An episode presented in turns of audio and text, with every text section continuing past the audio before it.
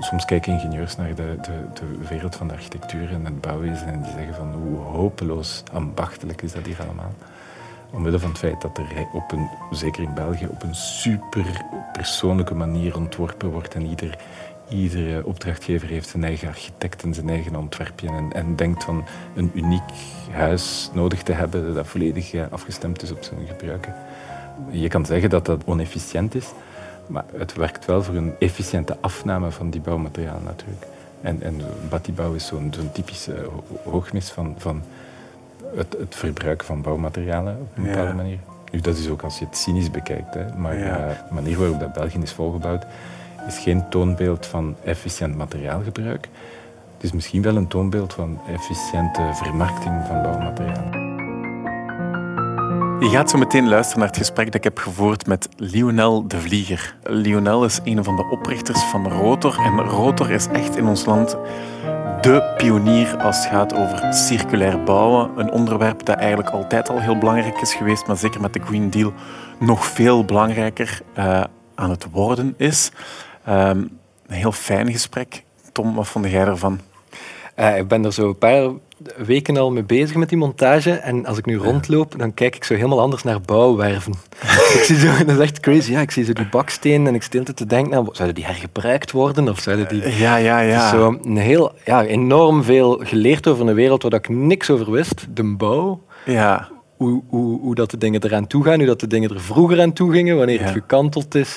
Um, maar het gesprek wordt uiteindelijk ook nog veel meer dan dat, vind ik. Het wordt zo bijna filosofisch, sociologisch, psychologisch, ja. over technologie. Um, vond het heel rijk. Ja. Uh, ja. Het is gewoon contrast ook in zo de, de vorm, vind ik, waaronder dat hij babbelt, is, is rustig, bedachtzaam, eloquent ook. Hè. Schoon gebruik van, van woorden. Maar de, de, de rust contrasteert zo met de, de truth bombs die hij dropt. Ja, Er zijn echt dingen die hij zegt die absurd zijn om te weten. Dat zijn uw reacties. Ik kijk ja, wat hoe kan dat dat ik dat niet wist? Zo, mhm. Maar hij brengt dat dan met zo een rust. Dus als je in het begin van het gesprek zo denkt van, ah ja, kalm gespreksje zo. Het zal wel rustig zijn, inhoudelijk ook. Nee, nee. Ja, nee, dat is echt niet waar. Ook, het wordt ook altijd maar duidelijker hoe belangrijk dat, dat thema is ook voor de wereld en de komende decennia die ja. aan te komen. Dat is wel, ja. En welke grote systeemfouten dat er opgelost gaan moeten worden ja. Uh, binnen de komende decennia.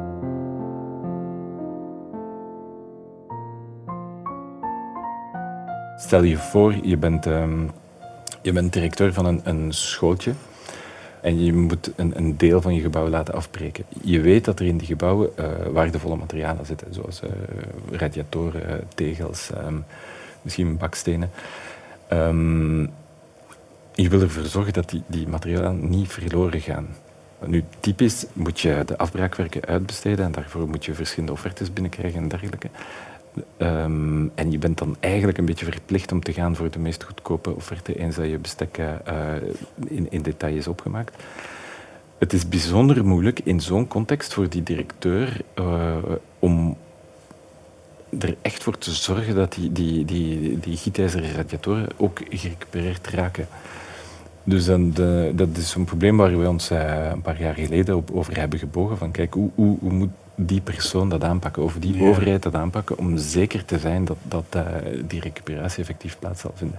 En dat is een, een puur legaal document. Dus echt, uh, we hebben daar uh, een juriste voor ingehuurd, enfin, die is mee aan boord gekomen van Rotterdam om daar een hele poos op te werken.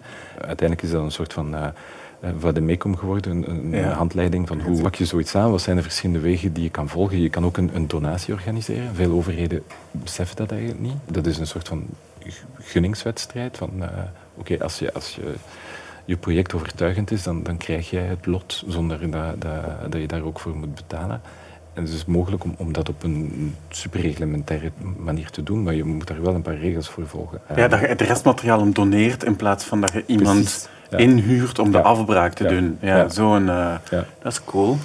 Dan, dus dat is op het ogenblik dat een gebouw wordt uh, ontmanteld. Je hebt dan, je hebt dan een, een, het andere voorbeeld, wanneer dat die directeur een nieuw stukje school zou bouwen, bijvoorbeeld, dan, dan zou die ook kunnen zeggen van kijk, ik heb zin om, om, om, uh, om recuperatiematerialen of tweedehands materialen toe te passen in dat gebouwtje. Ja. Maar hoe ga je dan te werk? Eh, en, en dat is ook heel, heel complex, omdat eh, ik wil zeggen, in principe uh, de aanleveren van bouwmaterialen is echt de, de verantwoordelijkheid van de aannemer. Mhm. Uh, en dus dan moet je op een of andere manier een soort van druk kunnen zetten op die aannemer om hem te verplichten, of haar, om specifieke recuperatiematerialen in het project op te nemen. Mm. Wat ook niet zo eenvoudig is. Daar bestaan ook geen, geen geëikte voorbeelden van, van ja. hoe dat je zoiets aanpakt. En wat doet dat met de prijs als, je, als een aannemer ervoor kiest om met materialen te werken? Wat doet dat met de prijs op dit moment van, het, van een bouw? Weet je, in, in, veel gevallen, in veel gevallen uh, heeft, heeft uh, ik wil zeggen, de aannemer die, die, die heeft een, een soort van heel vlotte verhouding met zijn materialenleveranciers.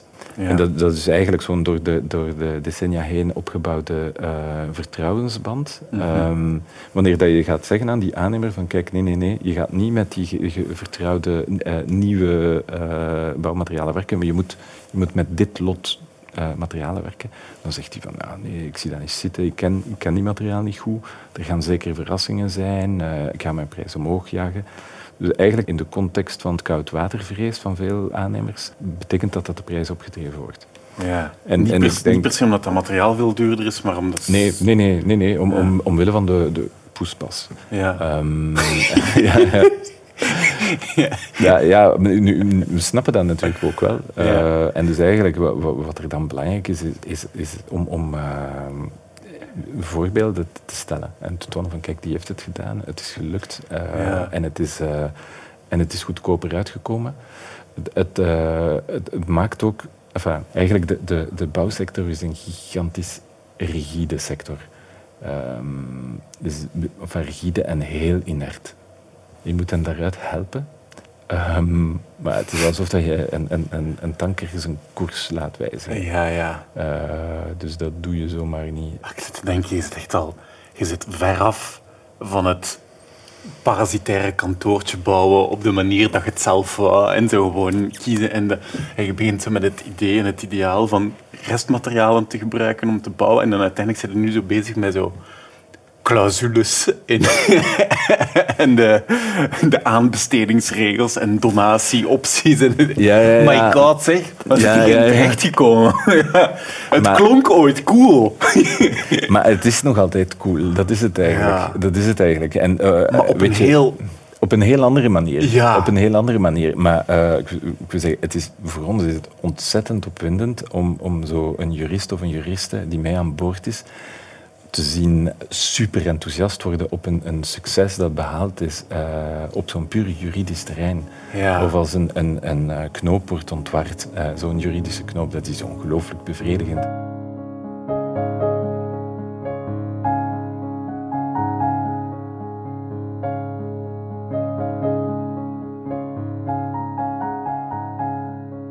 Waar wij naar keken in 2005, 2006, is eigenlijk gewoon uh, die ladder van Lansink. Uh, je kent dat principe. Hè? Dat is, uh, dus Ad Lansink was een, een Hollands politicus die in de jaren 70 eigenlijk gewoon die hiërarchie van afvalverwerkingsstrategieën heeft opgezet. Hij heeft gezegd van oké, okay, het, is, het, is, het is eigenlijk de reduce, reuse, recycle Ja. logica. Hij heeft gezegd van het is beter van afval te voorkomen dan van te hergebruiken. Uh, hergebruik is eigenlijk een, een, een, manier om afval te voorkomen. Ja. Uh, en dan moet je recycleren. Als recycleren niet lukt, dan ga je verbranden met uh, recuperatie van warmte. Eventueel verbrand je zonder recuperatie van warmte. En in het laatste geval ga je gewoon dumpen. Maar wat wij zagen op dat ogenblik was van kijk, in, in, in de context van de industrie en zeker van de bouwindustrie wordt alles, alles in, ingezet op die recycling. Ja. En we, we, we, hadden toen te maken, eigenlijk nog een beetje vandaag, met, met een bouwsector in, in België en in Vlaanderen die zichzelf op de borst klopte van uh, we zijn gewoon fantastisch, wij halen uh, cijfers van 90% uh, recycling uh, voor onze bouwafval. Dat Klinkt is toch cool. keigoed. Ja. Ja, weet je, en wij gingen toen eens kijken naar die, die recyclagecentra en dergelijke, om, om te zien van hoe gaat dat hier aan toe en Ja. wat gebeurt er hier. Dus de, de meeste gebouwen die in, in de Belgische context worden afgebroken, bestaan vooral uit, uit inerte minerale materialen. Dus zijn, uh, baksteen, metselwerk, dat is, uh, dat is natuursteen, beton en dergelijke. Dus wat er bij, bij een afbraak gebeurt, is dat, dat eigenlijk wordt het gebouw eerst gestript dus alles wat onzuiver is aan, aan materialen, uh, binnenafwerkingsmaterialen, uh, bekledingsmaterialen, wordt eruit gehaald. Maar de rest is zo'n gigantische hoop puin. Ja, in volume. Um, het, in volume het grootste, in gewicht zeker. Um, ja. Makkelijk tot 90% van, van het gebouw zelf. En uh, wat ermee gedaan wordt, er wordt met gigantische machines, kaakbrekers, percussiebrekers, wordt dat omgevormd tot dat puin. En, ja. en, en dan denk je van oké, okay, cool, daar kan je zeker van alles mee doen. Uh, in wezen kan je daar gewoon niets mee doen. Echt? Het enige dat je daarmee kan doen is, is uh, uh, een onderfundering aanleggen voor de wegenbouw. Of eventueel... ja. Vandaar dat wij zoveel autosnelwegen leggen. Wel, op een bepaald ogenblik werkte dat systeem perfect, want er werden nieuwe autosnelwegen gelegd en dan, dan heb je zo'n soort van een, een afneemplek voor die, die flux. Uh, maar vandaag de dag, uh, België is al uh, volledig volgebouwd. Zoveel nieuwe wegen worden er ook niet aangelegd. Dus je zit met een, een gestage daling ja, van de marktwaarde ja. van dat ding. Want het, het vraagt enorm veel energie om, om, om dat puin, of om die, die metselwerken en dergelijke te vermalen tot dat puin. Ja. en dan krijg je een product, maar vandaag de dag is, is, is dat product 0 euro, euro de ton waard. Um, ja. Dus dan, heb je, dan vraag je jezelf af van, kijk, was het nu wel echt de bedoeling om te recycleren? Of was er geen andere bedoeling, uh, zijnde het zo snel mogelijk evacueren van die, uh, van, van die materialen, omdat die op een bepaalde manier in de weg staan. Ja. Die staan in de weg van, van de bouw van nieuwe gebouwen uh, en de consumptie van nieuwe bouwmaterialen. En dus de, de hele afbraaksector, als je, als je een beetje cynisch bent, kan je dan zien als een, een manier om, om het probleem van de ontwikkelaars en de architecten en, en bouwmaterialenleveranciers uh, op te lossen. Ja, ja. Uh, om, om die materialen eigenlijk zo snel mogelijk naar de coulissen van de maatschappij uh, te, te versassen. En dat is ook een probleem dat eigen is aan die een trap op de ladder. En de, ik, ik las een stuk van u waarin je zei, recycling is in, in, in principe eigenlijk altijd downcycling. behalve bij metalen dan, denk ik, de, de, de klas. Mm -hmm. Dus ja, je maakt er altijd iets minder waardevol van, wat dat dan in extremis is. Als je het vermaalt tot iets dat 0 euro per ton waard is, ja. maar dat dat iets is dat eigen is aan die een trap op de ladder. Dus dat je eigenlijk een trap hoger op de ladder moet, moet willen zitten of zo. Wij zijn ook niet volledig tegen recycling en er zijn duidelijke... Uh, het gaat nooit mogelijk zijn om bij ontmanteling van een gebouw alles te nee. hergebruiken. Dat is, dat is niet mogelijk. En, en het, is, het, is, echt wel de bedoeling om, om uh, bepaalde materialen te gaan recycleren. Uh, maar waar we het echt wel moeilijk mee hebben, is wanneer dat mensen recycling horen en ze hebben zoiets van, ah cool, super. en dat, dat, was echt wel het geval uh, in, in, in, die jaren toen, toen wij gestart zijn. En dat is ook zoiets waar, waar dat we uh, heel expliciet tegenin gegaan zijn. Ja. maar we denken wel nu dat, dat ik wil zeggen, de, de, het ideaalscenario een scenario is waarbij dat er gecombineerd wordt hergebruik en recycling.